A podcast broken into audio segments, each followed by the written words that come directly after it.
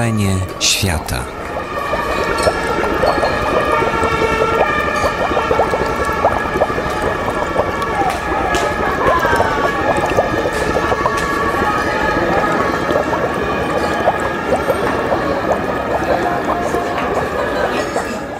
Dobry wieczór Państwu. Witam. Zanim w ogóle kogokolwiek dopuszczę do głosu, to chciałem Państwa serdecznie przywitać w takim naszym miejscu, które nazywa się Faktyczny Dom Kultury. E, Faktyczny Dom Kultury to jest emanacja e, Fundacji Instytut Reportażu. Zapraszamy tu na przykład są miejsca tam, albo gdzieś jeszcze jest wolne miejsce, jakieś na krzesełku. Tak, o na przykład w drugim rzędzie. A, no Pani woli tam. E, Fundacja Instytut Reportażu ma księgarnię Wrzenie Świata naprzeciwko. Księgarnię z kawiarnią mamy szkołę, Polską Szkołę Reportażu. Teraz otworzyliśmy miejsce, które, czyli to jest właśnie, to nazywa się Faktyczny Dom Kultury. Miejsce jeszcze bez wygodnych miejsc, ale mam nadzieję, że to się, to się zmieni. No po prostu tak powoli się przedzieramy do świadomości słuchaczy i sponsorów, e, świadomości naszych gości i sponsorów. E, I teraz e, muszę to powiedzieć, jak już jestem przy tych sponsorach, że właśnie nie byłoby tego miejsca, gdyby nie polska grupa, PGE Polska Grupa Energetyczna, która pozwoliła nam tutaj mm, sfinansować remont i wydawnictwo Czarne, które zajmuje się głównie literaturą faktu. To są nasi mecenasi. To jest e, taka informacja bardzo przyjemna. E, Dzisiaj można wchodzić, tak, zapraszamy. Właśnie muszę Państwu powiedzieć, bo jednym z moich tutaj wspólników tej Fundacji Instytut Reportażu jest Wojciech Tochman. Zapraszamy. Tu są wolne miejsca, a tam jeszcze dwa się znajdą wolne, czy nie?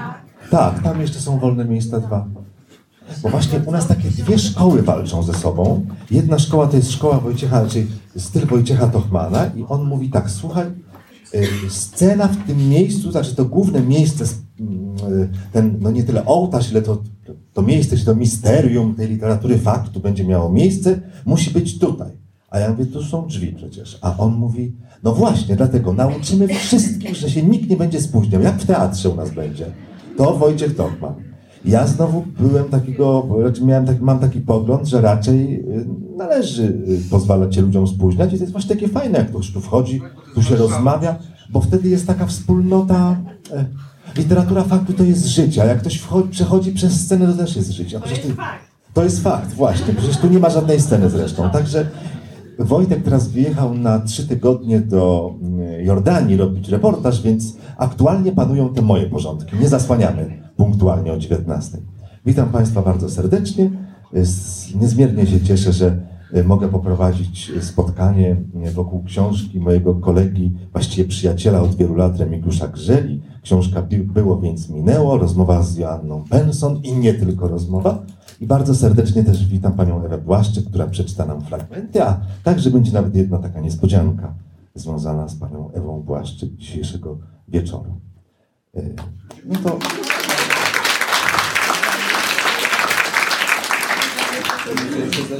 Poczekaj, y, teraz włączymy ci tutaj. Raz, raz.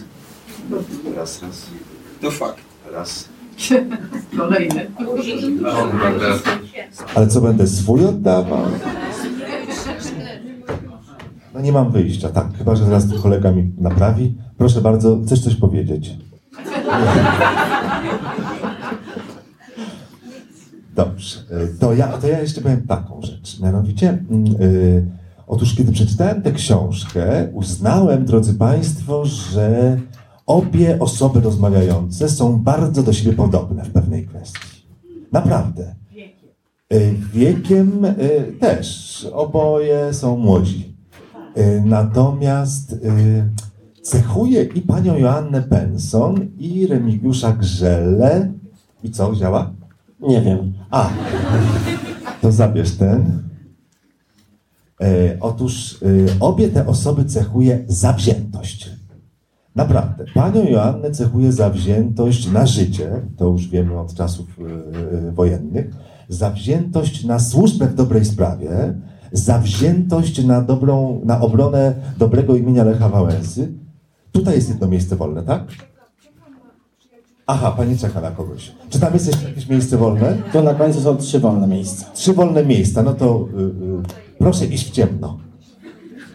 Zawziętość, zawziętość na życie, na służbę w dobrej sprawie, na, do, na obronę imienia Lecha Wałęsy, ale Remigiusza Grzele cechuje zawziętość już nieczynne.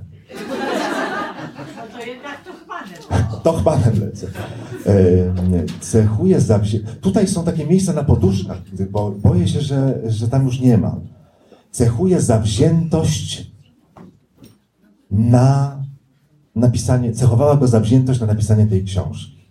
No po prostu to, jak pani Benson się broni przed tą rozmową, jak się broni przed pisaniem tej książki, a on jak ta po prostu, ja nie wiem do jakiego to porównać, do jakiej istoty, to coś jest niesamowitego.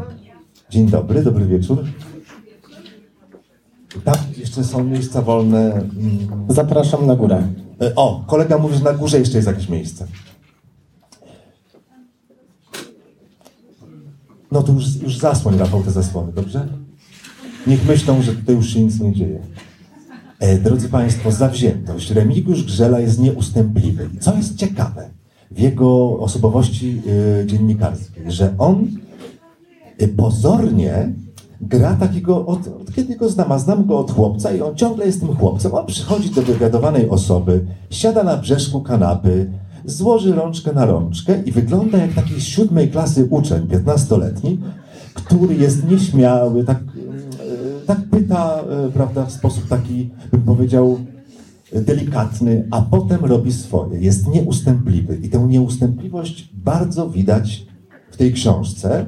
E, To są fantastyczne fragmenty. To samo mówiłeś na promocji pierwszej mojej książki z wywiadami Rozmów z Pokornią. A to jest czwarta już twoja, nie, to jest piąta twoja książka. Nie brnijmy. No ale no widzisz, stosujesz tę samą metodę. E, naprawdę uważam, że to jest metoda, która, która się sprawdza. E, książka jest obszerna, głęboka. Ja cię chciałem zapytać, bo o pani Annie Benson będziemy mówić, ale takie spotkanie już było w Trójmieście. A teraz bym chciał troszkę o tej książce zacząć, jeśli można. Która kwestia była dla ciebie najtrudniejsza? Z tematów. Z tematów albo, mm, że tak powiem, No pierwsza kluczowa to było rzeczywiście była ta zgoda na rozmowę. Bo, zresztą nagrywam dla pani Anny ten dźwięk i mogę krytykować, ponieważ y, pani Anna mnie stale krytykuje, że ja ją chwalę, a jej nie krytykuję, więc, y, więc mogę sobie na to pozwolić. Więc pierwszym, y, pierwszym problemem była rzeczywiście zgoda na tę książkę, który, która to zgoda czasem była, a czasem jej nie było. Czy pani Anna się zgadzała, po czym się wycofywała z tego bardzo szybko, po czym znowu się zgadzała i znowu się wycofywała. I w pewnym momencie powiedziała, że przekonało, ja nie wiem, czy mogę to powiedzieć, ale powiem. W pewnym momencie powiedziała, że przekonało ją coś takiego, że jak powiedziała mi, że tej książki już nie będzie, to ja się zachowałem jak taki chłopiec, któremu coś odebrano. Znaczy, że taką minę zrobiłem obrażoną i A ile już czasu rozmawialiście ze sobą? właściwie ten punkt sporny był do końca. To znaczy, nie, nie, A przepraszam bardzo, a kto płacił za twój hotel w Trójmieście? no, wydawnictwo PWN. A, wydawnictwo PWN, które jest współorganizatorem dzisiejszego naszego tak, spotkania. Tak. Ym, No to byś musiał zwracać. Gdyby nie wyszła książka, musiałbyś chyba zwrócić. Pani Anna nawet już rozważała sama, że zwróci, że nie chce mieć tej przygody dłużej. I rzeczywiście było tak, że ja miałem no, dosyć trudne zadanie, dlatego że no, pojechałem do Gdańska na dwa miesiące, umówiony na rozmowy. W wieczór przed wyjazdem, rano miałem wylot, wieczór przed wyjazdem miałem telefon od pani Joanny, że tej książki absolutnie nie będzie i proszę się nie pakować i nie wyjeżdżać, bo e, zadzwoniłem wtedy właśnie do e, Moniki Kalinowskiej, e, dyrektor wydawniczej z PWN-u, która powiedziała jedź. No i pojechałem. Siedząc tam w tym mieszkaniu i dzwoniąc do pani Anny, e, albo pani Anna dzwoniła na moją komórkę i pytała, gdzie pan jest. No w Gdańsku. Dlaczego? No bo czekam na nasze rozmowy. Ale tego nie będzie. Niech pan mnie nie rozśmiesza. No i tak w pewnym momencie chyba jednak e, mój upór e, wziął górę, bo pani Anna zaczęła mi, znaczy proponowała mi różne inne osoby, z którymi ja mogę zrobić rozmowy, umawiała mnie z kimś nawet na spotkania. Wszystkie inne książki byłyby ciekawsze, proponowała nawet, że z panią Alicją Gawlikowską, która jest tutaj w pierwszym rzędzie e, przyjaciółką jeszcze z czasów e, gimnazjum, e, e, gimnazjum Królowej Jadwigi. E, natomiast sama rzeczywiście siebie nie widziała jako, jako bohaterki książki. No i gdzieś myślę, że ten upór zwyciężył, ale mimo to jeszcze jak jechałem na tę autoryzację potem w lipcu, jak już właściwie powstał tekst, to no, nadal nie było takiej pewności. To Znaczy, dużo było tych punktów, e, punktów newralgicznych. No wydaje mi się, że jakoś wybrnęliśmy z tego i pani Janna i ja. A ja im bardziej ona się nie zgadzała, tym bardziej chciałem tę książkę zrobić. Znaczy uważałem od samego początku, że to jest, y, że ta historia jej życia jest absolutnie y, niezwykła i że ja nigdy na taką postać więcej nie trafię. Pamiętam po przyjeździe z Gdańska, kiedy poznałem panią Joannę, y, zadzwoniłem do Ewy Płaszczyk właśnie żeby, i za- za- zadałem pytanie, czy uważasz, że powinienem napisać o Joannie Penson? Ewa powiedziała absolutnie tak. I, i, i gdzieś tu tego się trzymałem i ta, no, myślę, że intuicja dobrze podpowiedziała. A ja jeszcze muszę Państwu powiedzieć, bo czy jest ktoś, kto nie czytał jeszcze książki? A tak, to jest troszeczkę osób. Więc ja muszę powiedzieć, że jeszcze ta rozmowa odbywała się w takim dziwnym, bym powiedział, klimacie y, psychologicznym, dlatego że pani Joanna Penson, że Remigiusz rozmawiał z panią Penson y, w biurze prezydenta Lecha Wałęsy. Często, tak. Często. Ym, ym, Pani Joanna chciała wyłącznie w tym biurze mówić o Lechu Wałęsie, a nie o sobie. W związku z tym miała takie poczucie, i to widać z kart tej książki, miała takie poczucie jakiegoś takiego przestępu. Ciągle nie rozmawiamy o Lechu. Tak, takiego jakiegoś, że ten y, y, y, pa- pan Lech Wałęsa, prezydent Wałęsa przechodził ciągle obok i ona y, miała takie poczucie, że y, y, no nie rozmawia o, o tym, o kim powinna, tylko rozmawia o sobie i jakieś poczucie jakiegoś takiego grzechu właśnie. No nawet tam jest taki chyba fragment, y, gdzie pani Anna mówi do mnie, y, mój szef jest przekonany, że my cały czas mówimy o nim. Matko Boska, jak on zareaguje, jak zobaczy, mówi w którym momencie Potem żeśmy się spierali, bo pani Anna mówi, a jest rozdział szef, owszem, na dwusetnej stronie chyba. Więc, y, więc rzeczywiście żeśmy się spierali o, y, no, o tę miłość do Wałęsy. Też żeśmy się spierali, tak. Y, To do miłości, y, do miłości do Wałęsy jeszcze przejdziemy. Ja w każdym razie y, no, jestem szczególnie zachwycony tą pierwszą częścią. W ogóle cała książka mi się podoba, ale tą pierwszą częścią, której fragment za chwilę przeczyta pani Ewa Płaszczyk, ale chciałem powiedzieć, że mm, tam są takie, mm, takie momenty w tej książce, kiedy nie ma zbyt wielu słów, zbyt wiele się nie opowiada, natomiast czasami takie trzy zdania, dwa zdania wystarczą y, za tych, y, za tych y, 100 zdań. Pani Penson jest niebywale szczera wobec siebie samej. Na przykład bardzo zapraszamy tutaj, tak. Czy tam coś jeszcze są jakieś miejsca, czy już nie? Są. Dobrze, to proszę iść w ciemno. Ewentualnie tutaj na poduszki. Jest tutaj y, taki... mm, y, taki, y, takie są fragmenty, które zaczynają się na przykład od słów to jeden z zarzutów, który wysuwam wobec siebie samej. Y, Rzadko się spotyka osobę tak wobec siebie y, krytyczną y, i tak nieusiłującą odmalować siebie w innych, lepszych kolorach. To Nawet na- nie wiem, czy To nie do końca tak było, Tak. bo e, rzeczywiście pani Anna wobec siebie jest bardzo krytyczna w tym kontekście, że uważa, no, że nie jest takim, jak powiedziała, że ci, o których powinno się pisać książki, to już nie żyją, a jej biografia jest na 3 plus w stosunku do biografii innych osób. Natomiast e, pani Anna też jakby od początku dawała do zrozumienia, że e, są rzeczy, co zresztą było dla mnie jasne, o których nie będziemy mówić. I by, było tak, że y, na początku tego mojego pobytu w Gdańsku, kiedy ja nie miałem możliwości rozmowy z nią, ja chciałem oczywiście jako dziennikarz zorientować się w sytuacji, też zorientować się w tym, jak, y, jakie są stosunki w środowisku medycznym, e, co lekarze e, mówią o pani Joannie, o jej mężu, e, o tym, czym się zajmowali. I ja wtedy spotkałem się z różnymi też osobami ze środowiska e, e, medycznego na takie rozmowy, żeby jakby sobie taki wyrobić zdanie na, e, na temat tego, co, co, co się działo wcześniej. Pani Anna trochę jak się dowiedziała o tym nie była zadowolona, bo ja jej powiedziałem otwarcie w pewnym momencie, że rozmawiałem z takim panem profesorem czy z innym. Natomiast powiedziałem, że ja oczywiście jako dziennikarz potrzebuję takiej, no, tak, takiej wiedzy, że ja, ja muszę wiedzieć też z czym się mierzę w tej biografii. I, e, I były też sprawy osobiste, o których, e, o których nie chciałam mówić. Ja chciałem napisać mm, Właściwie miałem takie trzy cele. Jeden cel to, to był opisanie tej biografii. Drugi cel to była taka historia mm, e, dziennikarza, tak, który mierzy się z czyimś życiem. Musi podejmować różne decyzje. I, i, I podejmuje te decyzje, czy chce o czymś pisać, czy nie chce, czy powinien, czy nie powinien. Jakby o czym mamy prawo e, mówić.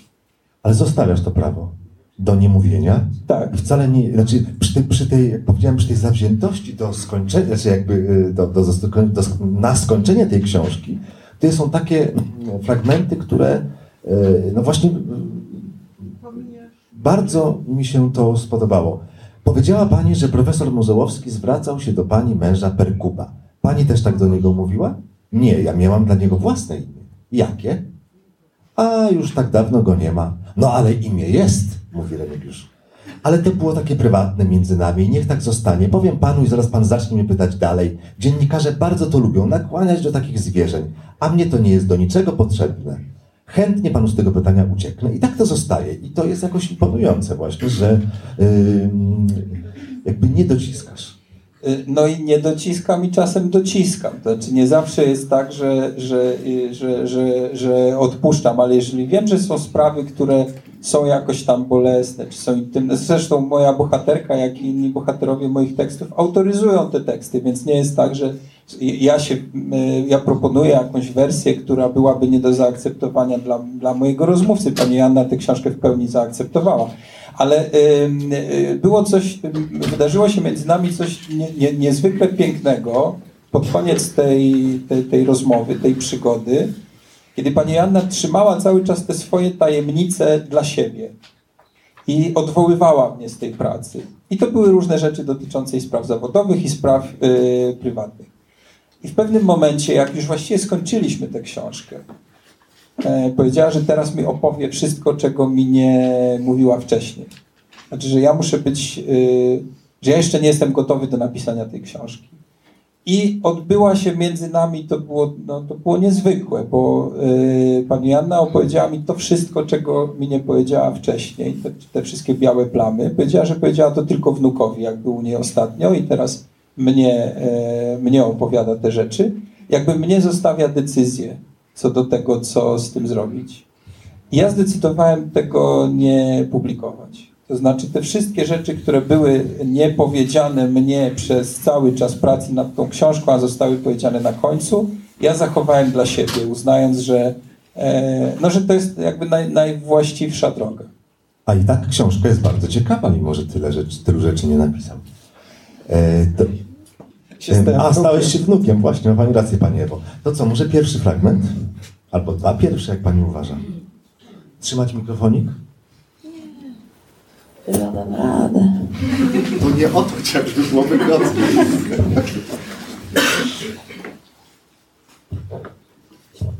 Płakać? Nie. Nie pamiętam. Miałam wyschnięte łzy.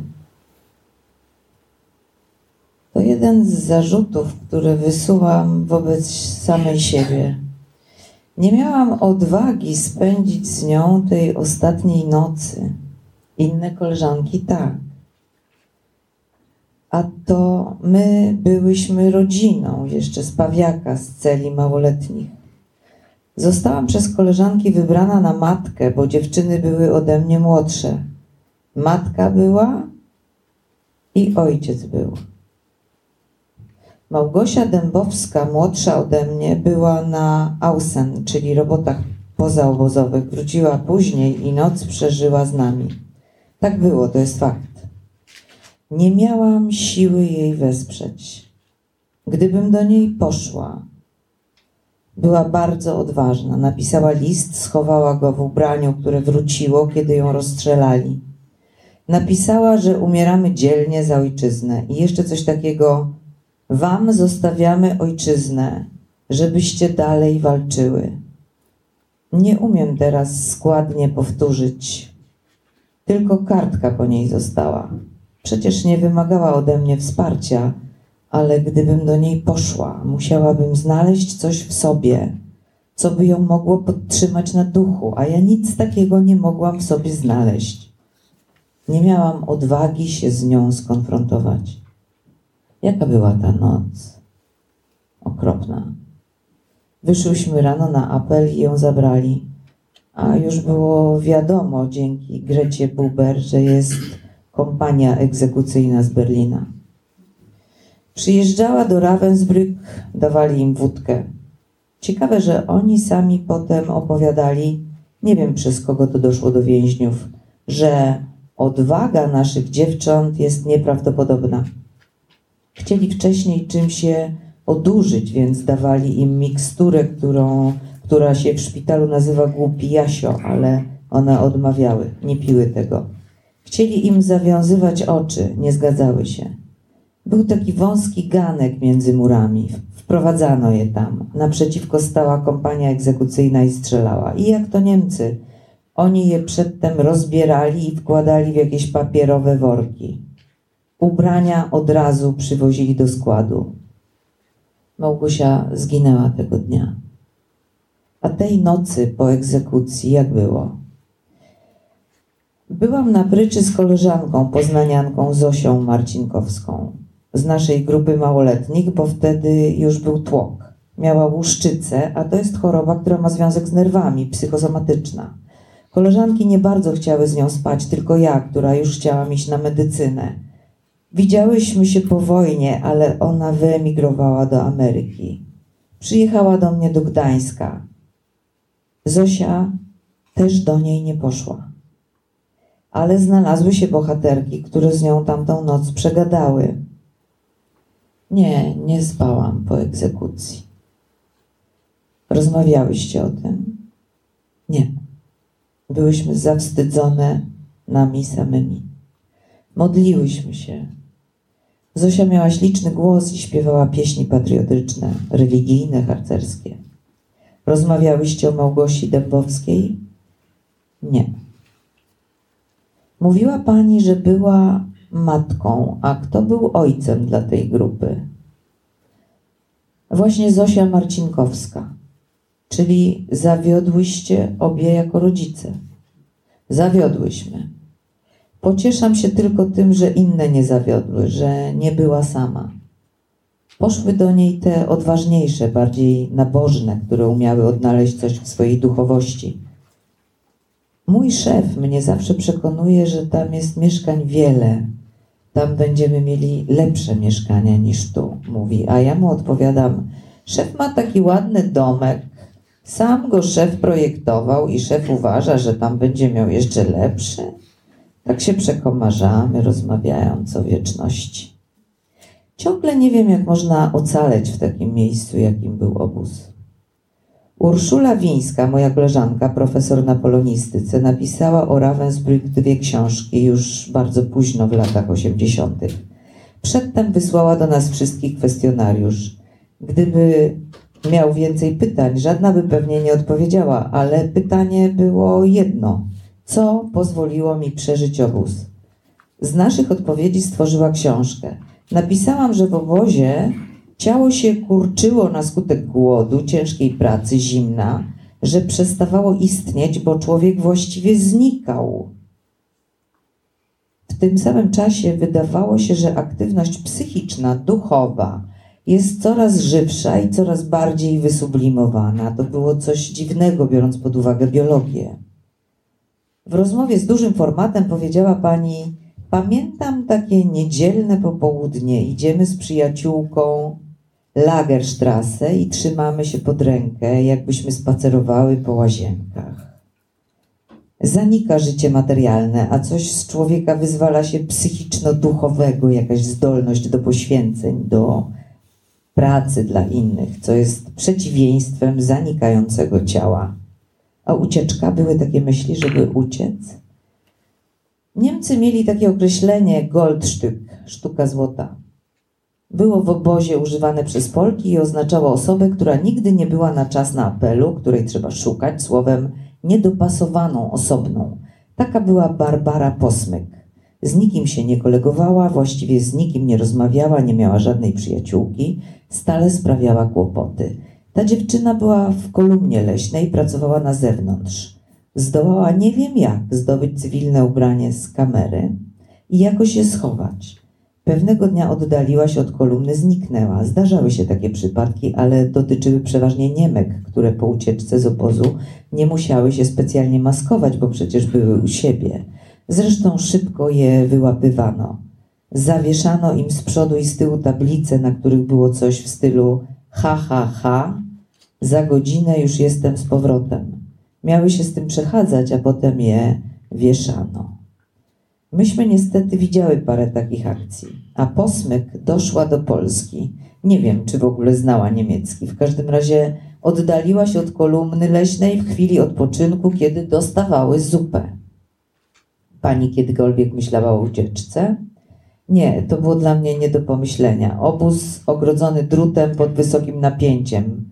Można było się powiesić, można było popełnić samobójstwo, ale uciec? Zresztą poza wyładowywaniem statków na początku i kopaniem ziemniaków nigdy nie pracowałam na zewnątrz. Przecież miałam trochę protekcji, więc pracowałam w obozie. Wysoko w górze był las, a niedaleko jezioro, nieosiągalny świat. Jezioro, do którego wrzucali prochy. Tak, było przed samym obozem. To piękna kraina, zupełnie jak nasze Mazury, polodowcowy teren. Lasu nie było widać z obozu. Chyba nie. Tylko zawsze było piękne niebo. Tak sobie obłoki przepływały. I co się myśli, kiedy obłoki przepływają? Że chciałoby się być obłokiem i sobie nad tym wszystkim przepływać. Myśmy tam siedziały, kiedy Niemcy zwyciężali na wszystkich frontach. Codziennie przynosili gazetę Völkischer Beobachter. Była u nas pani profesor Helena Tyrankiewicz. Robiła skarpetki na drutach. Bo starsze panie, które nie mogły już pracować inaczej, robiły skarpetki. Ona miała czytać tę propagandową hitlerowską gazetę, którą roznoszono Zresztą przemówienia Hitlera transmitowano w obozie przez głośniki. W każdym razie pani Tyrankiewicz zawsze mówiła, że są naloty alianckie, czego w ogóle w gazecie nie było. Robiła to dla podtrzymania ducha. Maria Chełmicka, pokolenie od nas starsza, aresztowana z nami na Pawiaku, pochodziła z rodziny ziemiańskiej z Pomorza. Rodziny, które mieszkały w obrębie Reichu, utworzonego przez Niemców po wejściu do Polski, były przez nich namawiane, żeby zostały Reichdeutschtami. Chełmicka działała w konspiracji i w ogóle była temu przeciwna. W końcu została aresztowana. Miała córeczkę, chyba nawet nie dziesięcioletnią, z porażoną nogą po Hajne Medinie. Gdyby matka była na wolności, to oczywiście poddałaby córkę rehabilitacjom i leczeniu, żeby zmniejszyć efekty choroby. Tymczasem ją aresztowano. W pewnym momencie ją wezwali. Na chworn mówią, że właśnie przywieźli jej córkę. Proszę sobie wyobrazić to spotkanie. Dziewczynka mówi: Mama, powiedzieli, że jak podpiszesz jakiś papier, to będziemy znowu razem. Dlaczego nie chcesz podpisać? Podpisz, błagam cię, bo chcę być z tobą. Byłam na bloku, kiedy Chełmicka wróciła i opowiedziała, że nawet w ten sposób nie dała się złamać. Wyobraża pan sobie tę matkę, która jednak nie podpisała. Dziewczynkę zabrali z powrotem, a ona wróciła do nas na blok. Sprawa miała stosunkowo dobry finał. Chełmicka nie podpisała rajchlisty, a dziecko trafiło do klasztoru na Pomorzu, gdzie jego ciocia była zakonnicą. Przeżyło. Dla mnie to było bohaterstwo ze strony matki. Rozumiem, że w takie cuda jak to, że dziecko trafia przez przypadek do klasztoru, w którym jest jego rodzina, pani wierzyła. Każda z nas bezwzględnie szukała jakiegoś punktu możliwości ocalenia własnego człowieczeństwa. Dla wielu wiara była siłą, która dawała nadzieję na życie, to wieczne, czy też to, które uda się ocalić tutaj. Wiara na pewno pomagała żyć w piekle, w jakim się znalazłyśmy. Pani była wtedy osobą wierzącą? Tak i nie. Przed obozem byłam wierząca. W obozie moja wiara bardzo osłabła. To, co się tam działo, nie pomagało mi wierzyć. Nie mam odpowiedniego słownika, żeby panu o tym opowiedzieć. Była w obozie drużyna harcerska, tak zwane mury, związana z osobą bardzo religijnej, pani kantor. Te harcerki miały zadanie przeżyć i pomóc przeżyć słabszym. Były bardzo religijne. Prowadziła pani spory z Bogiem? Nie, nie, po prostu wiara nie dodawała mi otuchy. Z obozu wyszła pani jako niewierząca. To trudno powiedzieć. Mnie się zdaje, że absolutnych ateistów jest bardzo niewielu. Mój mąż był absolutnym ateistą. Każdy człowiek w coś wierzy. A w co wierzył pani mąż ateista? Był realistą. Pamiętam, że odwiedzał nas bardzo związany z kościołem profesor Włodzimierz Mozołowski, lwowiak, i zawsze spierali się na tematy religijne.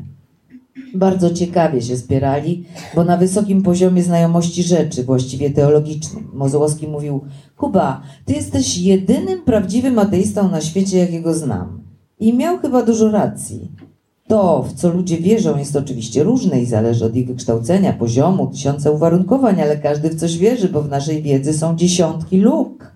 Niby wiemy coś, ale to bardzo drobny wycinek rzeczywistości. Powiedziała pani, że profesor Mozołowski zwracał się do pani męża Perkuba. Pani też tak do niego mówiła? Nie, ja miałam dla niego własne imię. Jakie? A, już tak dawno go nie ma. No ale imię jest. Ale to było takie prywatne między nami, niech tak zostanie. Powiem panu i zaraz pan zacznie mnie pytać dalej. Dziennikarze bardzo to lubią, nakłaniać do takich zwierzeń, a mnie to jest do niczego niepotrzebnie. Chętnie panu z tego pytania ucieknę.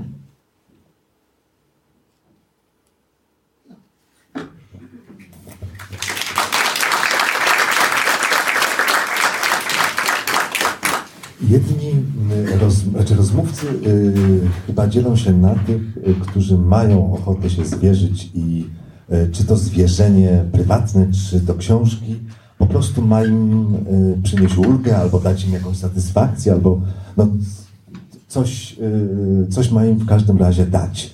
Albo na takich, druga grupa to są ci, którzy nie mają ochoty mówić i dziennikarz ym, i dziennikarz y, po prostu chce się dowiedzieć, są grzeczni i w związku z tym mu się zwierzają. Ja muszę powiedzieć, że tutaj y, jest taki, y, takie są dwa zdania, tak, coś bardzo ważnego w dwóch zdaniach pani Joanna Benson mówi. Y, Myślę o tej mm, przeszłości obozowej. Remigiusz pyta, to wraca czasem? A pani Anna odpowiada, te wspomnienia nie, panu tylko opowiadam, bo pan jest ciekaw, a poza tym nie. Nie mam z tym już żadnego związku. I tak sobie pomyślałem, że to jest taki jakiś ogromny prezent, który daje nam czytelnikom, czy najpierw y, y, dziennikarzowi, a potem nam czytelnikom osoba, która nie ma ochoty wracać do traumatycznych przeżyć, y, ale jednak to robi i właściwie z tego zrobiliście pół książki. No tak, tylko to rzeczywiście było rozłożone w czasie i nie było tak, e, tak bardzo emocjonalne w tych opowieściach, bo ja do tego wracałem, a pani Joanna po fragmentach pewne rzeczy e, opowiadała. I potem, jak pojechałem na autoryzację tej, tej książki, doszliśmy do tych momentów, właśnie do tego rozdziału o e, Ravensbrück.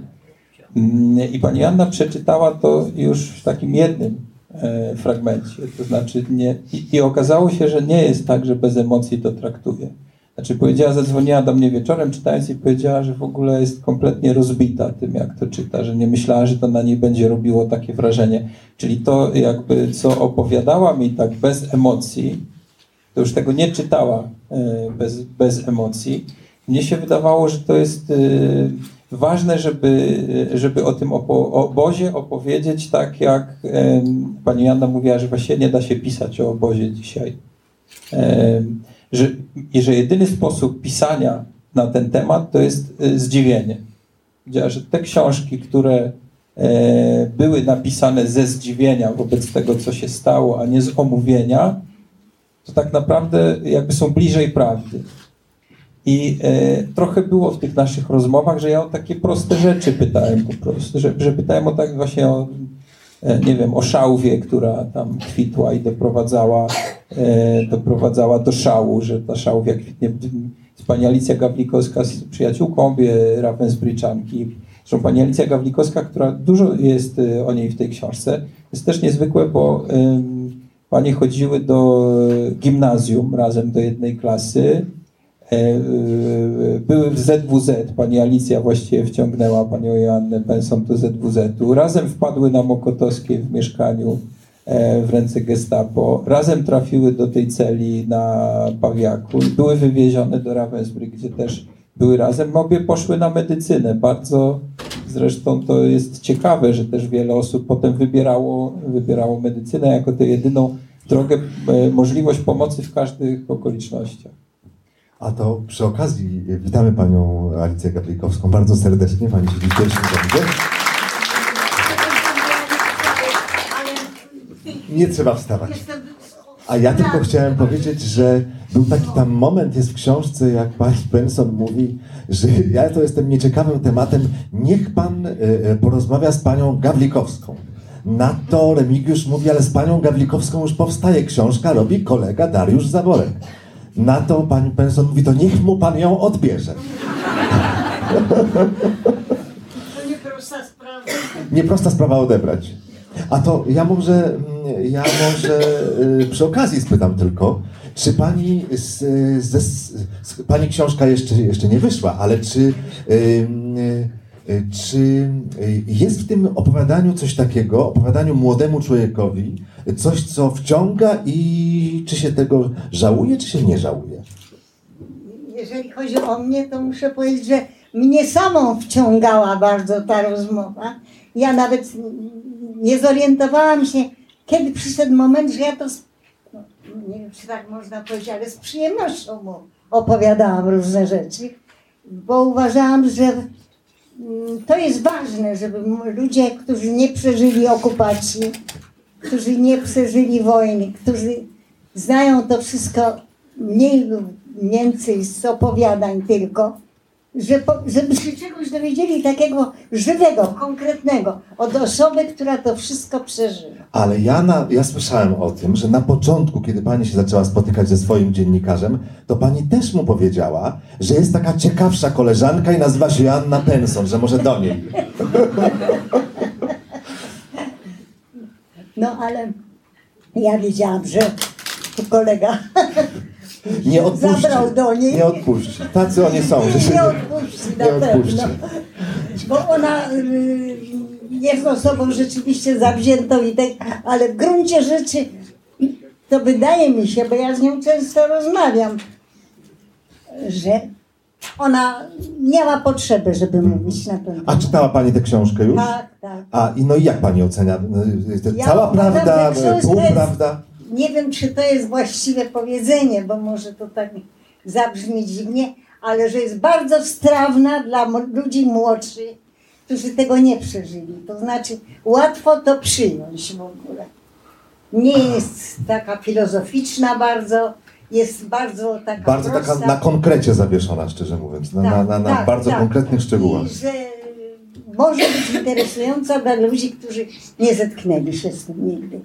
Ja Bar- bardzo uważam, że jest dobra. Bardzo dziękuję.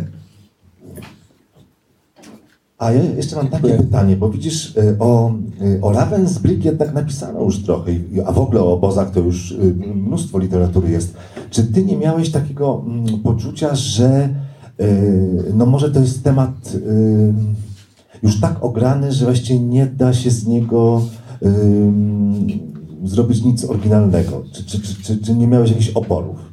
No, oporów nie miałem, dlatego że ja przeczytałem trochę tych książek Ravensbrück. No właśnie, a jak się człowiek więcej naczyta, to potem sobie myśli, już chyba nic nowego nie da się powiedzieć. Dlatego y, od początku moim pomysłem na tę książkę był rodzaj takiej biografii mówionej. To znaczy, ja założyłem sobie, że ja nie będę opowiadał tam gdzie też pani Joanna nie mówi, tylko że będą mówili świadkowie, ci, do których ja mogę dotrzeć lub ci, do których ja nie mogę dotrzeć, e, złożyli swoje zeznania czy swoje relacje, złożyli w różnych miejscach i ja tak jakby e, cytuję te wypowiedzi nie, nie na zasadzie cytatu, tylko na zasadzie takiej wypowiedzi, jakby to tworzyło taką biografię mówioną. Przepraszam, I to, to mnie... przypomina mi to trochę kubizm. To jest taka właściwie biografia kubistyczna. Kubistyczna, no. E, to znaczy nagle widzimy to samo zdarzenie albo, albo ym, Ale to jest ciekawe. z innej zupełnie perspektywy, a czasami nawet z trzech y, perspektyw, bo trzy osoby dodają Ale swoje. cofnę się właśnie na, bo to mówisz, że z różnych perspektyw, y, bo oczywiście z panią Alicją Gawlikowską ja się spotkałem, nagraliśmy rozmowę, która w tej książce jest cytowana.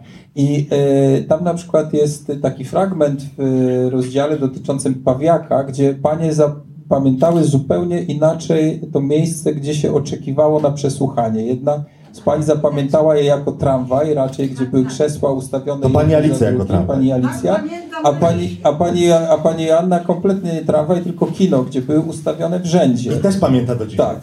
I ja zacytowałem obie te wypowiedzi, jakby uznając, że, że, że, że to jest ciekawe właśnie, co, co, co, co zostaje, jaki ten obraz się projektuje.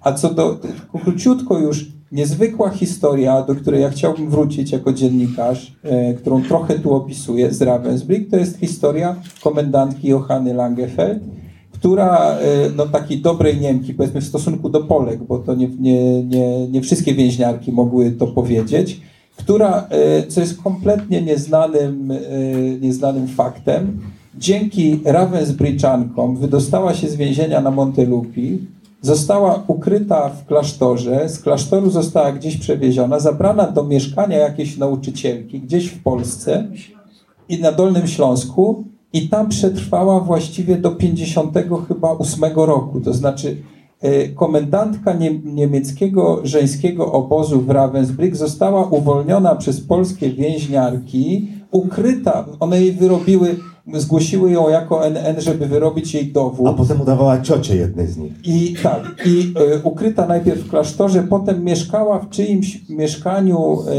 e, na, na Dolnym Śląsku i wróciła dopiero do Niemiec w 58 roku. Czyli to jest w ogóle niezwykła historia. Jak, e, e, e, a na, naprawdę było tak, że Polki mogły mówić o niej dobrze, bo były w porównaniu z innymi nadzorczyniami. Nie, nie, nie, nie wszystkie więźniarki mogły to samo o niej powiedzieć. Czyli też jakby niejednoznaczna historia tej, no, tej dobrej Niemki. Y, To co? Teraz przejdziemy do filmu, czy przejdziemy do fragmentu? Co będzie bardziej pasowało? Fragment? Dobrze, to fragment.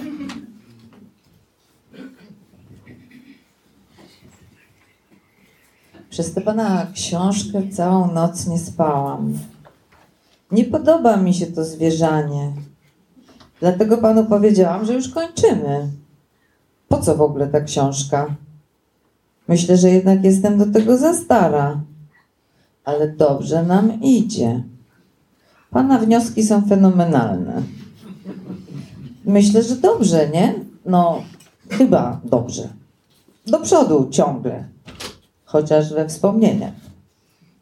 Pan wybaczy, ja nie wiem do jakiego przodu. O czym pani myśli nad morzem? Jakie pan mi zadaje okropne pytania, o czym myślę. Proszę sobie przestać wyobrażać, że człowiek ciągle wraca do przeszłości. Po prostu ubóstwiam morze. Cudownie musi tam być. Tym, którzy mają widok na morze. Przecież wiemy, że morze jest malutkie, wciśnięte pomiędzy lądy, a mimo wszystko robi wrażenie absolutnego końca świata, bez kresu. Daje ukojenie? Tak. Poza tym codziennie jest zupełnie inne, ma inny kolor, inaczej się zachowuje, jest niesłychanie zmienne. Jakie było wczoraj? Bardzo spokojne razem z niebem miało śliczny koloryt, chociaż miały trochę inny odcień. Najbardziej podoba mi się Morze Śródziemne, prawie zawsze szafirowe. Kiedy moje dzieci były na Malcie, to kiedyś do nich pojechałam. Wracałam samolotem, który w pewnym momencie leciał bardzo nisko nad morzem, właśnie w kolorze cudownego szafiru, a nad tym pojawiła się tęcza. Nigdy nie zapomnę tego obrazu. Był tak piękny, że zapierał dech piersiach. Pamięta pani, kiedy pierwszy raz była nad morzem? Byłam bardzo mała, kiedy pierwszy raz pojechałam do Gdyni z moją matką i bratem. Właściwie nie było jeszcze dzisiejszej Gdyni, tylko wieś rybacka, do której się przyjeżdżało na plażę. Pamiętam właśnie wielką plażę, kutry, wioskę. Pamięci najbardziej utkwił mi jednak inny nasz wyjazd nad morze do Sopotu. Był rok 38. Przyjechaliśmy tam z moją mamą, która notabene przegrała w kasynie. Musiała telegrafować do ojca, żeby przysłał pieniądze. Pech, że poszła do kasyna pierwszego wieczora. Oczywiście, jak to zwykle bywa, wygrała. To ją zachęciło do tego, aby pójść znowu. No i właśnie wtedy przegrała i zostałyśmy kompletnie bez pieniędzy, a był sam początek wakacji. Ojciec w końcu pożyczył od kogoś i nam wysłał. Pamiętam z tego wyjazdu, że ludzie wchodzili do sklepu i mówili Hej Hitler. Strasznie już było.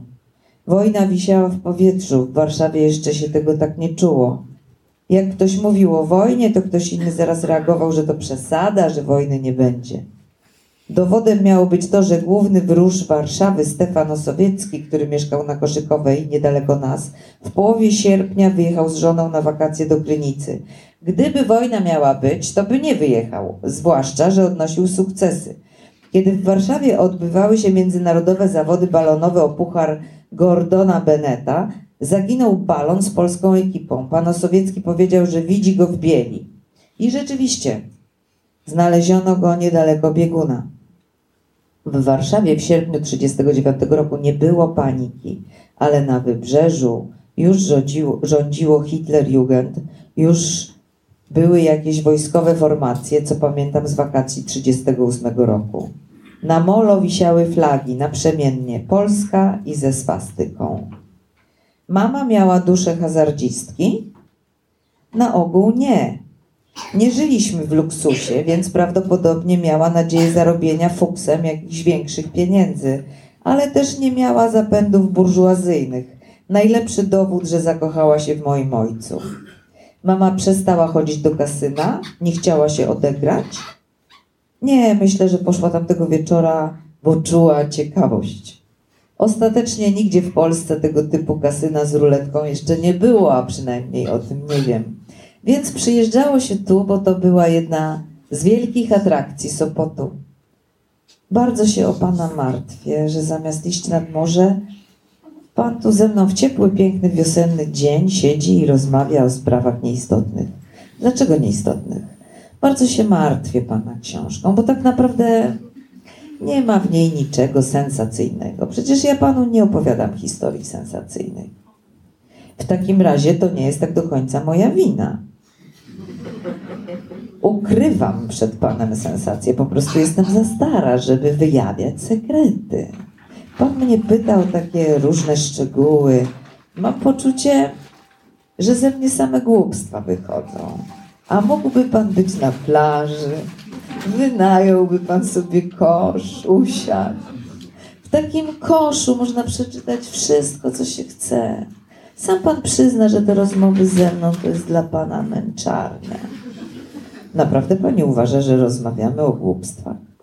Nie, tylko uważam, że rozmawiamy o fragmentach. Każdy z nich jest w życiu oddzielnie zamknięty i nie uczyni z niego żadnej całości. Tak myślę. Rozmawiamy, bo się z Panem umówiłam. To jest tak, jakby skrzypaczka umówiła się na koncert, a potem się okazało, że nic nie umie zagrać. Myślałam, że to mówienie mi lepiej pójdzie. Ciągle miałam nadzieję, że Pan znajdzie sobie kogoś bardziej interesującego do rozmowy. Jeśli o mnie chodzi książka, to przesada. A tęcza nad szafirowym morzem nie nadaje się do książki? No nie wiem, nie wiem. To już zależy od Pana. Ja jestem tylko lekarzem.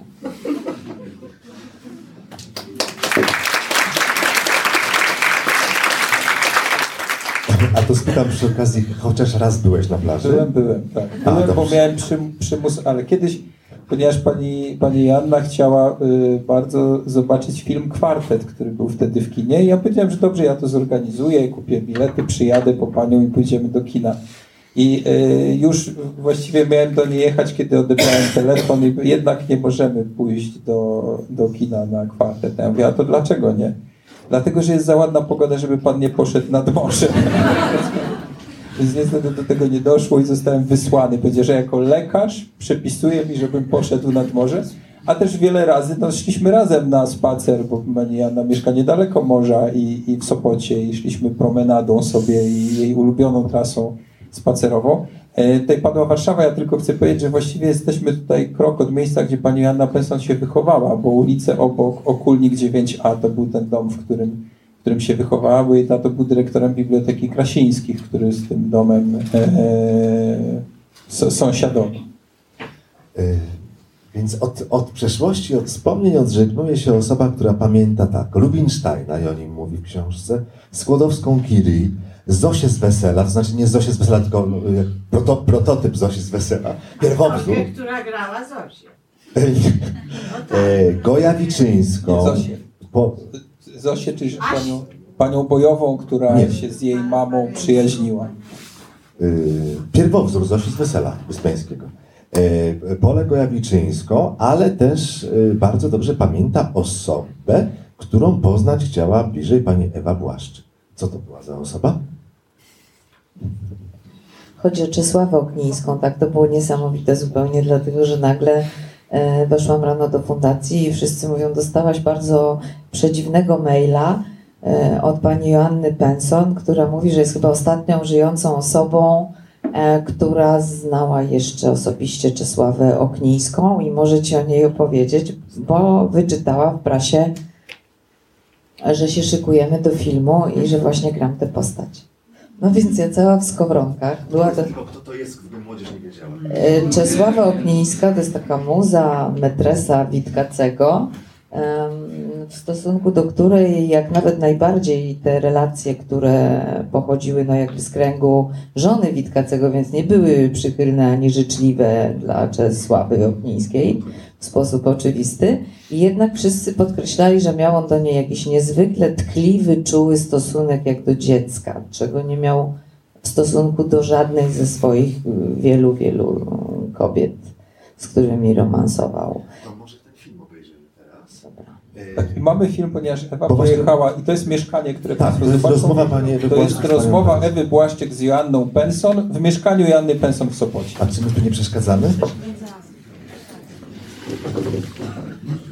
Jest króciutki film.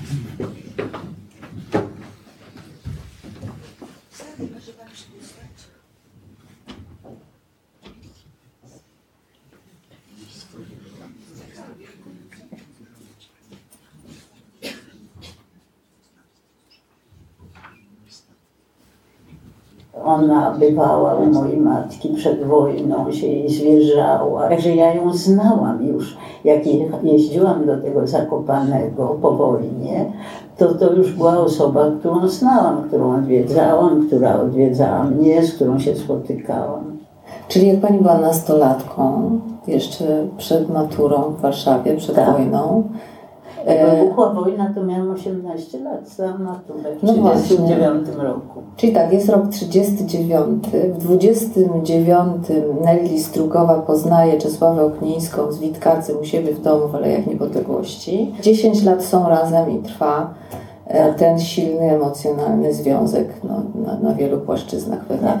Tylko tak pamięta ją Pani po prostu jako tę młodziutką dziewczynę z Warszawy Pamiętam, tak. przedwojennej, czyli tutaj Tak. kiedy był ten najfajniejszy okres Ona była osobą ekscentryczną. Wyglądała trochę inaczej niż wszyscy ludzie, nawet już zewnętrznie. Inaczej się Co to ubierała. znaczy? Zawsze ją pamiętam jako taką, mm, taką bardzo filigranową i bardzo dziewczęcą, niezależnie od tego, w jakim była wieku.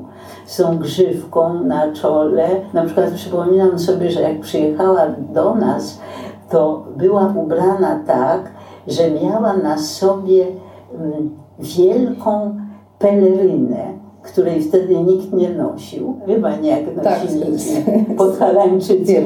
Tak, więc ona właśnie chodziła w takiej pelerinie, zwracając na siebie powszechną uwagę na ulicy, no bo nikt się tak nie ubierał. Jak pisze jej siostra, to w domu uważano ją za artystkę i za osobę taką, Tak. mimo że pracowała w banku i taka była poukładana, jej świat był poukładany, prawda? Miała takiego męża przystojnego z samochodem, sama była urzędnikiem PKO. PKO, tak, którzy nawet dobrze płacili wtedy w tym PKO, zdaje się. Tak, tak, wszystko było korekt. Ale ona była, no nie wiem jak to powiedzieć inaczej. Chyba tęskniła do czegoś innego. Ale poza tym ona miała bardzo, bardzo silną osobowość. Na przykład w tym okresie właśnie tej wielkiej miłości, życie, które prowadziła, to y, nie było tak odbierane powszechnie, jak teraz się odbiera takie rzeczy, prawda, że ktoś y, ma przyjaciela, który jest zresztą żonaty. No to była jednak jakaś też decyzja. życie jakieś, które było nietypowe i ona mm, bardzo dumnie to takie życie inne, nietypowe znosiła. To była jej racja bytu i życia. I ona ani się tego nie wstydziła, ani się z tym nie ukrywała. To był ktoś, poza którym ona nie widziała świata. Ale przecież on musiał być, jak sobie wyobrażamy, teraz strasznie trudny na co dzień. To musiało być strasznie też takie szarpiące i męczące to, to, co ona przeżywała z nim. Tylko strasznie jestem ciekawa na przykład Pani wrażenia, jak Pani zaczęła już nie postrzegać jej jako dziewczynka, że przychodzi Pani w kapeluszu czy w pelerynie i że jest intrygująca, ciekawa, dziewczęca, pragnąca życia, inna, oryginalna i tak dalej. Tylko później na przykład, kiedy już mogła Pani zaobserwować jej depresję w Zakopanem, prawda? Tak. To już jest czas powojenny, kiedy ona najpierw była w Łodzi, potem 10 lat była w Zakopanem. Ona była bardzo samotna i bardzo biedna. I bardzo samotna. Czyli z tego kolorowego ptaka, z tego życia z nim, Tak. takiego no, stresującego, ale niezwykle intensywnego i ciekawego, wróciła do tego Zakopanego, żeby chodzić jego śladami? Czego tam szukała? Tak, żeby oddychać tym powietrzem, którym on oddychał. Nie chciała żyć z ludźmi. Kompletnie była wycofana w tym czasie. Pani, jak I- Pani to mówi, to mnie też przychodzi do głowy coś, że ona była jakaś, jakaś zastraszona też. Nie wiem czym. Aha. Czy to jeszcze wątek. rodziną, czy może nawet politycznie ona się bała. Ona wtedy w ogóle o tym nie mówiła, tak. I ona była, ona sama była jakaś rzeczywiście chyba Wycofana. napastowana. Właśnie, właśnie w związku z tym, no jak zrobili tą legendę, że on żyje i ona go ukrywa, może za nią chodzili, może chcieli dojść tego, czy on rzeczywiście gdzieś jest przechowywany przez nią. W każdym razie ona była zastraszona. To bardzo ciekawe, co Pani mówi. Tam jest taki ślad takiego wątku w tym filmie, mistyfikacja. Wprawdzie troszeczkę inaczej skomponowany, ale jest coś takiego, że niby ona z nim żyje i go trzyma w pokoju, ale wokół nich węszą. Przecież on dlatego uważał, że musi popełnić samobójstwo, że weszli Sowieci, że to już jest koniec Polski, że to już jest straszność, prawda? Tak ona mówiła. A jak Pani z nią rozmawiała w tym okresie właśnie, kiedy była taka, to jak wyglądały te Wasze kontakty wtedy w Zakopanem? E, znaczy już się wtedy zwierzała, czy coś mówiła ważnego, czy je- jeszcze to nie, jest ten nie, moment? Nie, absolutnie nic na ten Czyli temat. takie To powierzchowne... wszystko wynikło dopiero w tej ostatniej, w tym ostatnim czasie. Wtedy po- opowiedziała mi to wszystko, tą całą straszną historię w tym lesie, w tym właśnie, jak ona mm, chciała go odwodzić od tego, od tego samobójstwa. Czyli z Panią dopiero zaczęła rozmawiać, jak zaczęła przyjeżdżać do Was do Tak, Gdańska. Tak, tak. I jaki to był czas? Już, już, już była w Warszawie. 60 chyba. Przyszedł właśnie taki jakiś moment, że ona chciała, żeby to było wiadome, żeby to właśnie było udokumentowane, żeby to zostało. Myślę, że- też ze względu na niego, że to był z jego, z jego ym, strony, to był niewątpliwie jakiś taki gest patriotyczny. A czy opowiadała, jakie miała, jaki miała stosunek? No bo e, zostawił żonę w Warszawie, poszedł się zabić z nią. Tak. Cóż to za wybór? Jak ja wiem, to on twierdził, że, że on nie może jej zostawić samej na tym świecie, a on musi popełnić samobójstwo, bo już jest koniec Polski. On był w Rosji, jak się zaczynała rewolucja tam. Aha, I wtedy tam przeżył coś takiego, prawda, wcześniej, jak po, po tej historii z Szymanowskim, po śmierci Janczewskiej, po samobójstwie, kiedy Tak. jego przyjaciel go zabrał do Australii i potem... a ten E, Malinowski? Tak, i potem przejechał do Rosji tam widział widocznie, to nigdy w niczym, w żadnych opracowaniach nigdy nie zostało wyjaśnione. Coś tam przeżył strasznego, na co miał taką wyobraźnię, że potem już e, Tak, właśnie i ta w reakcja była on taka... mówił jej ciągle, że ona nie wie, co to jest wojna, ale on wie, co to jest wojna, I wie, nie co ma to jest nic Rosja. straszniejszego na świecie, co jest prawda notabene, ja też to potwierdzam, I że, i że to nie ma co, to teraz będzie straszna rzeź, straszna wojna, nie możesz tu zostać sama. Pani powiedziała na wstępie na, na, na naszej rozmowy, że ona była taka jasna, taka dziewczęca. Tak, tak. Taka, że bez względu na wiek taka była. tak, zawsze była właśnie taka. Ja patrzyłam na obrazy i rzeczywiście coś takiego było. I widziałam na przykład, że na niektórych obrazach ona ma potwornie smutne oczy. I wtedy sobie pomyślałam, to co Pani mówiła o tajemnicy w niej, że też gdzieś takie było jakieś niewinne stworzenie, którym ktoś się chciał opiekować, że ten ich stosunek był bardzo złożony. Właśnie, że złośliwi ludzie, którzy chcieli to jakoś tak utopić, zmniejszyć wartość tego, opowiadają o tym tak, prawda? Nie, dosyć powierzchownie, wielkie natomiast, uczucie. natomiast musiało być to ogromne Tak. uczucie. No, nie? A, a trudno sobie wyobrazić, żeby uczucie u takiego człowieka jak Witkacy polegało tylko na zewnętrzności. no nie, nie no to, to, to już jest, tak, to nie, To było jednak coś zupełnie wewnętrznego, psychicznego, co w niej było, co on zobaczył. Właśnie to, ta sprawa tego Witkacego, to właściwie stale zamieszkiwała ją całkowicie.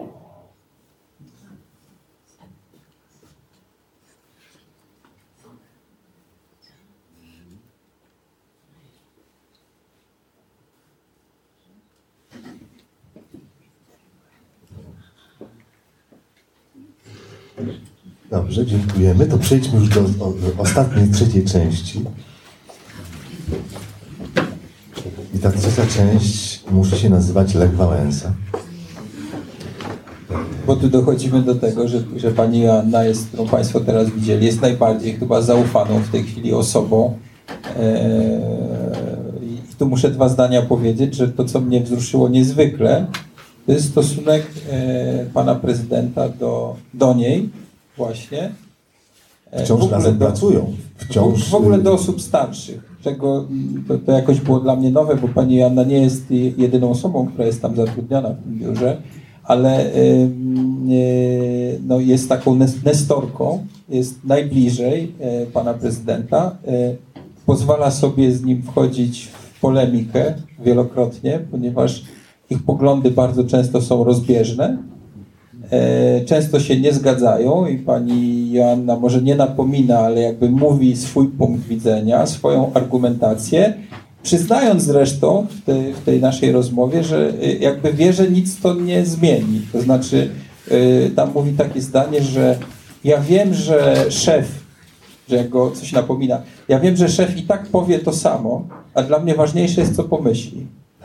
Mówi, że on się jakby nie Ale wycofuje go zawsze broni. zawsze go broni i trochę ta książka powstawała właśnie z takiej, jeżeli był, było cokolwiek pretekstem do rozmowy, to był właśnie Lech Wałęsa, któ- którego trzeba obronić. To pani Janna nazywa obroną Lecha Wałęsa, a potem mi powiedziała, że no to jest moja wina, że nie napisałem bestsellera, tylko się o niego otarłem, bo książka miała być o Wałęsie.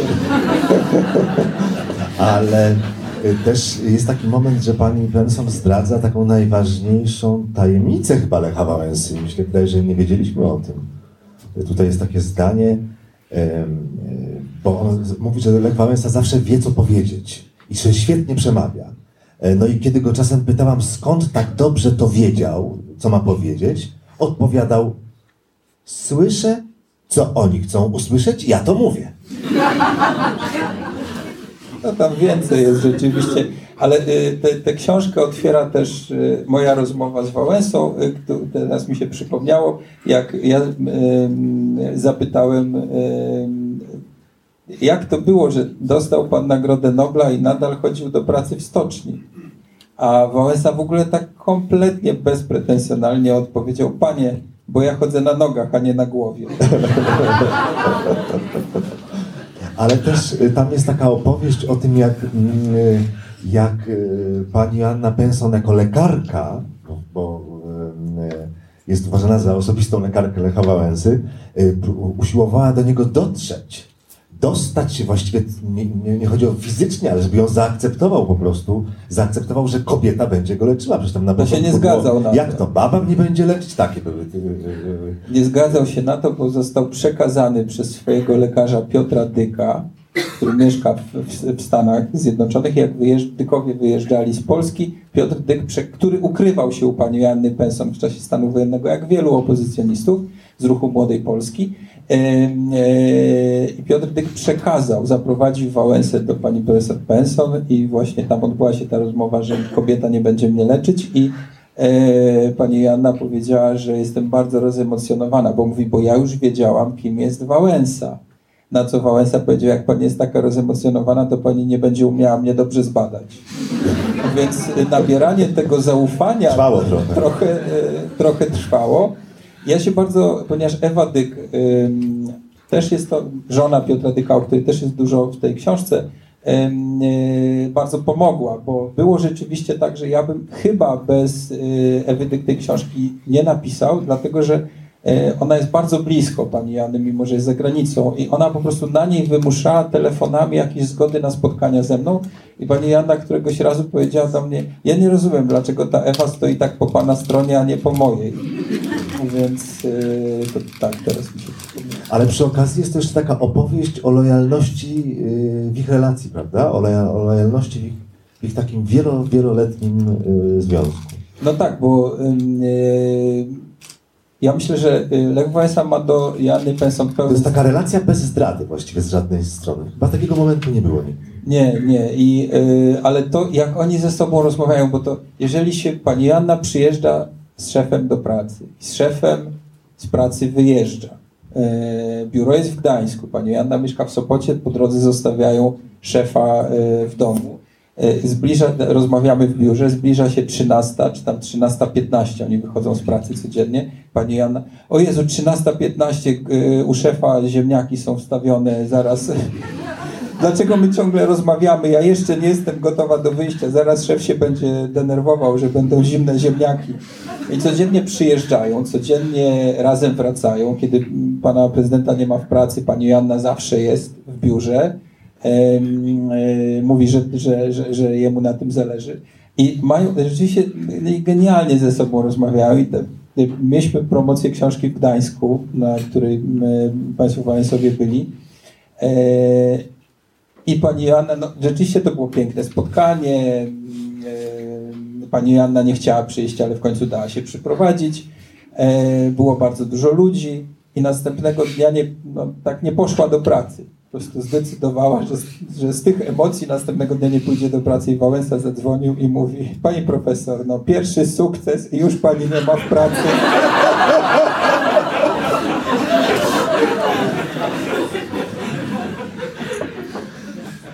Y, czy jeszcze tłumaczy jego spotkania, czy tylko zajmuje się korespondencją anglo- i francuskojęzyczną? Nie, jest, y, no jest taką, pracuje jako wolontariuszka. Powiedziała, jak pan prezydent zaproponował, że oczywiście ją zaangażuje i że będzie normalnie dostawała pieniądze. Powiedziała, że absolutnie nie mogłaby od Wałęsy wziąć ani grosza, więc, więc jest wolontariuszką, jest tam codziennie.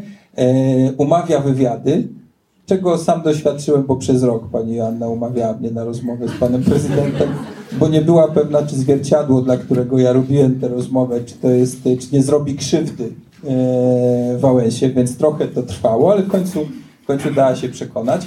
Była na tej rozmowie, co to pomaga trochę, bo rzeczywiście jest takim wsparciem dla dziennikarza, ale to nie jest też takie proste, bo też pani Joanna nagrywa dziennikarza. To znaczy zabezpiecza szefa, ma swój dyktafon, tak, i nagrywa spotkanie, żeby przy autoryzacji mieć pewność, że to było dokładnie to. Potem autoryzuje też te wywiady, I tu muszę powiedzieć, właściwie trochę jest Wałęsą też. No, myślę, że często jest Wałęsą. A, dobrze. y, Na 149 stronie, czyli tak mniej więcej w połowie książki, pani Benson mówi, ta książka to jeszcze nie jest całość. Y, Kiedy już poczułeś, że to jest całość i zdecydowaliście, że, że już starczy?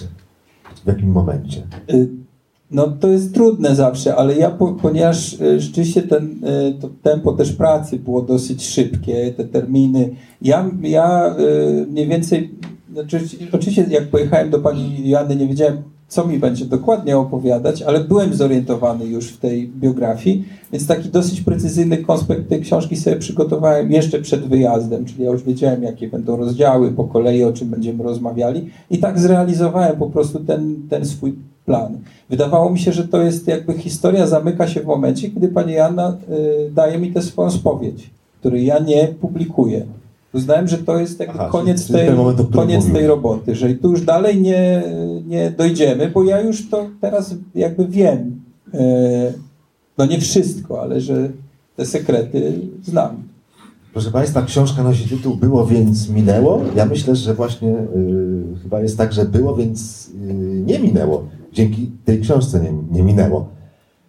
Teraz jest czas na pytania do autora. Bardzo proszę, czy ktoś ma, czy kogoś ciekawi ten kontakt, warsztat Remigiusza Grzeli, który zrobił w swoim życiu setki wywiadów. Bardzo proszę. Chciałam zapytać Cię, Romku, czy ten dziennik z getta profesora Pensona będzie opublikowany? E, Tak, y, y, w tej książce są fragmenty takiego niepublikowanego dziennika męża pani profesor, który był lekarzem w getcie warszawskim. W ogóle był najpierw lekarzem na czystym, w szpitalu na czystym. Ten szpital został przeniesiony do, do getta i tam e, Jakub Penson, jeszcze nie profesor wtedy, zajmował się, ju- już właśnie był nef, nefrologią, zajmował się, robił badania nad tyfusem i zaczął zapisywać, to takie są niesamowite historie, jakby z punktu widzenia lekarza, e, opisywać niemieckich nadzorców, którzy pojawiają się w szpitalach i rozmowy z niemieckimi lekarzami w sumie, którzy, czy wycieczkami lekarzy, którzy przyjeżdżali i to zapisał. To nie jest duży materiał, to jest, to jest, to, to, to jest nieduża książeczka. Ja to, mnie to udostępniono, do tej, ja tutaj dosyć dużo cytuję w tej książce. Właśnie, czy ty nie wykorzystałeś już y, większości tych? Tam, y, ja myślę, że to, co jest, y, to, czego nie ma, y, nie ma u mnie, to są takie rzeczy, które są już znane. Mnie interesował ten jeden wątek, który był nie bardzo opisany, to znaczy stosunek lekarza żydowskiego do niemieckiego nadzorcy lekarza. I to ja y, wykorzystałem w tej książce. Mateusz, zrób maleńkie światełko na publiczne, ale takie, żeby nie raziło, bo ja nie widzę lasu rąk. Czy mają Państwo pytania? Może lewa strona, y, skoro już... y, Nie, no właściwie y, to właściwie była i lewa, i prawa. Proszę Państwa, Padło już e, to zdanie, padł ten fragment w książce, bo było opowiadam Panu, bo Pan jest ciekaw. Tak myślę, że ta ciekawość jest takim kluczem warsztatu, ale e, chcę bardzo zadać to pytanie, czego jest teraz ciekaw Remigiusz Grzela? Czy ta opowieść, czy to spotkanie pobudziło do czegoś, a może zupełnie inne rejony teraz po tym spotkaniu? No nie, no to jednak y, ja z panią profesor stale rozmawiam, ale książki nie piszemy. E, literatura, jak wiemy, nie jedno małżeństwo zepsuło, e, mówiąc o, o panu prezydencie. E, pan prezydent po powrocie z Portugalii dostałem od pani Janny taką muszelkę, którą jej podarował, a muszelkę dostałem po to, żeby ją położyć na biurku i pamiętać, że mam pisać o Wałęsie. E, I mamy, mamy ją na biurku i tak mm, pamiętam, że mam pisać o Wałęsie i, i pan prezydent jak wrócił z Portugalii został, był z żoną na wakacjach i został zapytany, panie prezydencie, chyba jest bardzo dobrze, jak było? A pan prezydent powiedział, nie pisaliśmy książek. Więc y, y, my ten temat, ja myślę, wyczerpaliśmy, ale rozmawiamy cały czas, rozmawiamy, bo to jest prawda, że pani Jannie brakuje, y, o czym mówi coraz częściej w Warszawie. Brakuje jej, no ona jest y, człowiekiem wychowanym, to jest y, rzeczywiście no, to jest historia inteligencji. Wychowana była, w, w, ojciec był dyrektorem Biblioteki Krasińskiej. Rzeczywiście znała wszystkich z czasu tego przedwojennego i późniejszego. Wiem, że teraz jej tego brakuje, że trochę jest tro, trochę jest wyobcowana. Natomiast y, no to, co mnie prowadzi, to są, to, to są kolejne, kolejne tematy i tak też się składa, że właściwie od, od książki do książki. Ale już z nowymi osobami, tak? Tak, tak, tak, tak. W tej chwili, tak, w tej chwili dwie, dwie umowy mam podpisane z wydawcami i oddaję taką książkę z wywiadami dla wydawnictwa Drzewo Babel. To będą rozmowy, e, taki tytuł Obecność, o obecności osób nieobecnych. I to gdzieś się wiąże też z tą książką Było, więc minęło. I, I pracuję też dla, dla PWN-u nad książką o łącznicy z getta. Bardzo taka ciekawa historia, też historia wojenna, ale nie tylko. Proszę, czy ktoś ma jakieś pytania albo by chciał zabrać głos? Proszę bardzo.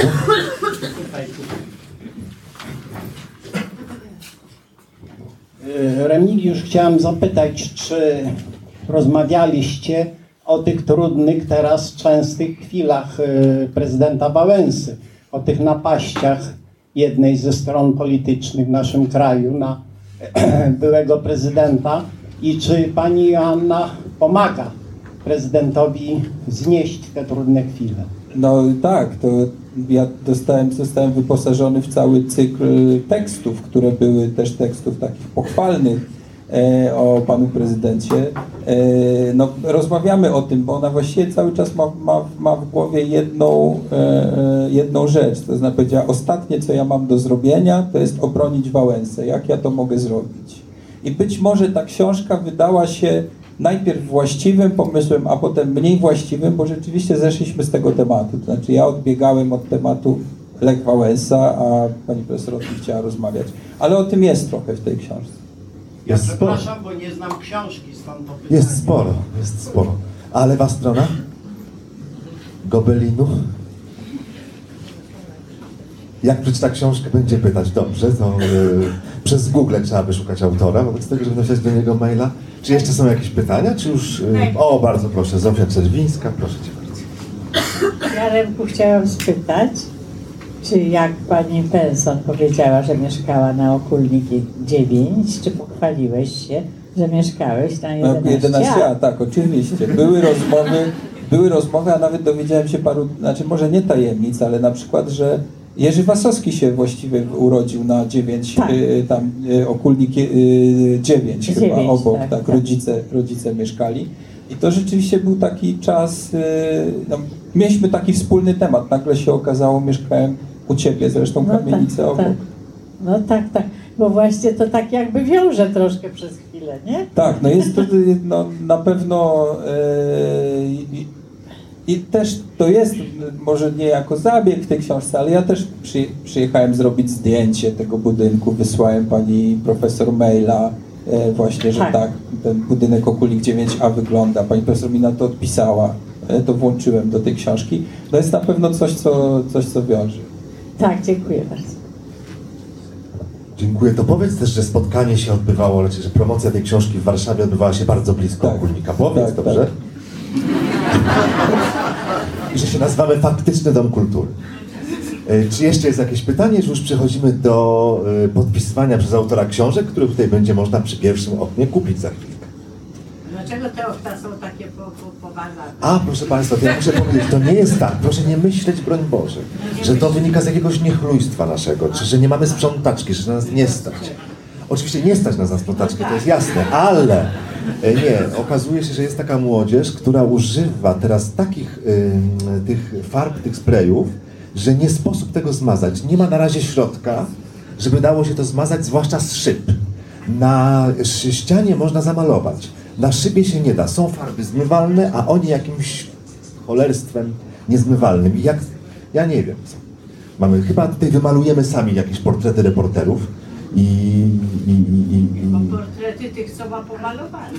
może, nie, chyba zrobimy po prostu portret Ryszarda Kapuścińskiego, na drugim oknie Hannę Kral, na trzecim Małgorzatę Scheinert i może już uszanują nie będą malować, bo jak to wygląda? No. Także bardzo Państwa przepraszam za niewygodę tych siedzeń i za te okna, no ale nie uszanują, tak? Mówi Pani Alicja Kapuścińska. Będziemy pilnować wtedy. Strażników wystawimy. Proszę Państwa, bardzo dziękuję za ten y, y, miły wieczór. Y, zrobimy teraz większe światło, żebyśmy już tutaj nie, spadali z tych stopni i, i zapraszam do indywidualnego kontaktu z autorem. Dziękuję Państwu bardzo.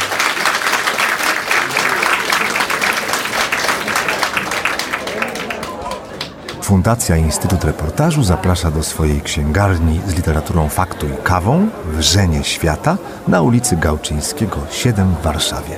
Wejście przez bramy Nowy Świat 48 i Nowy Świat 52.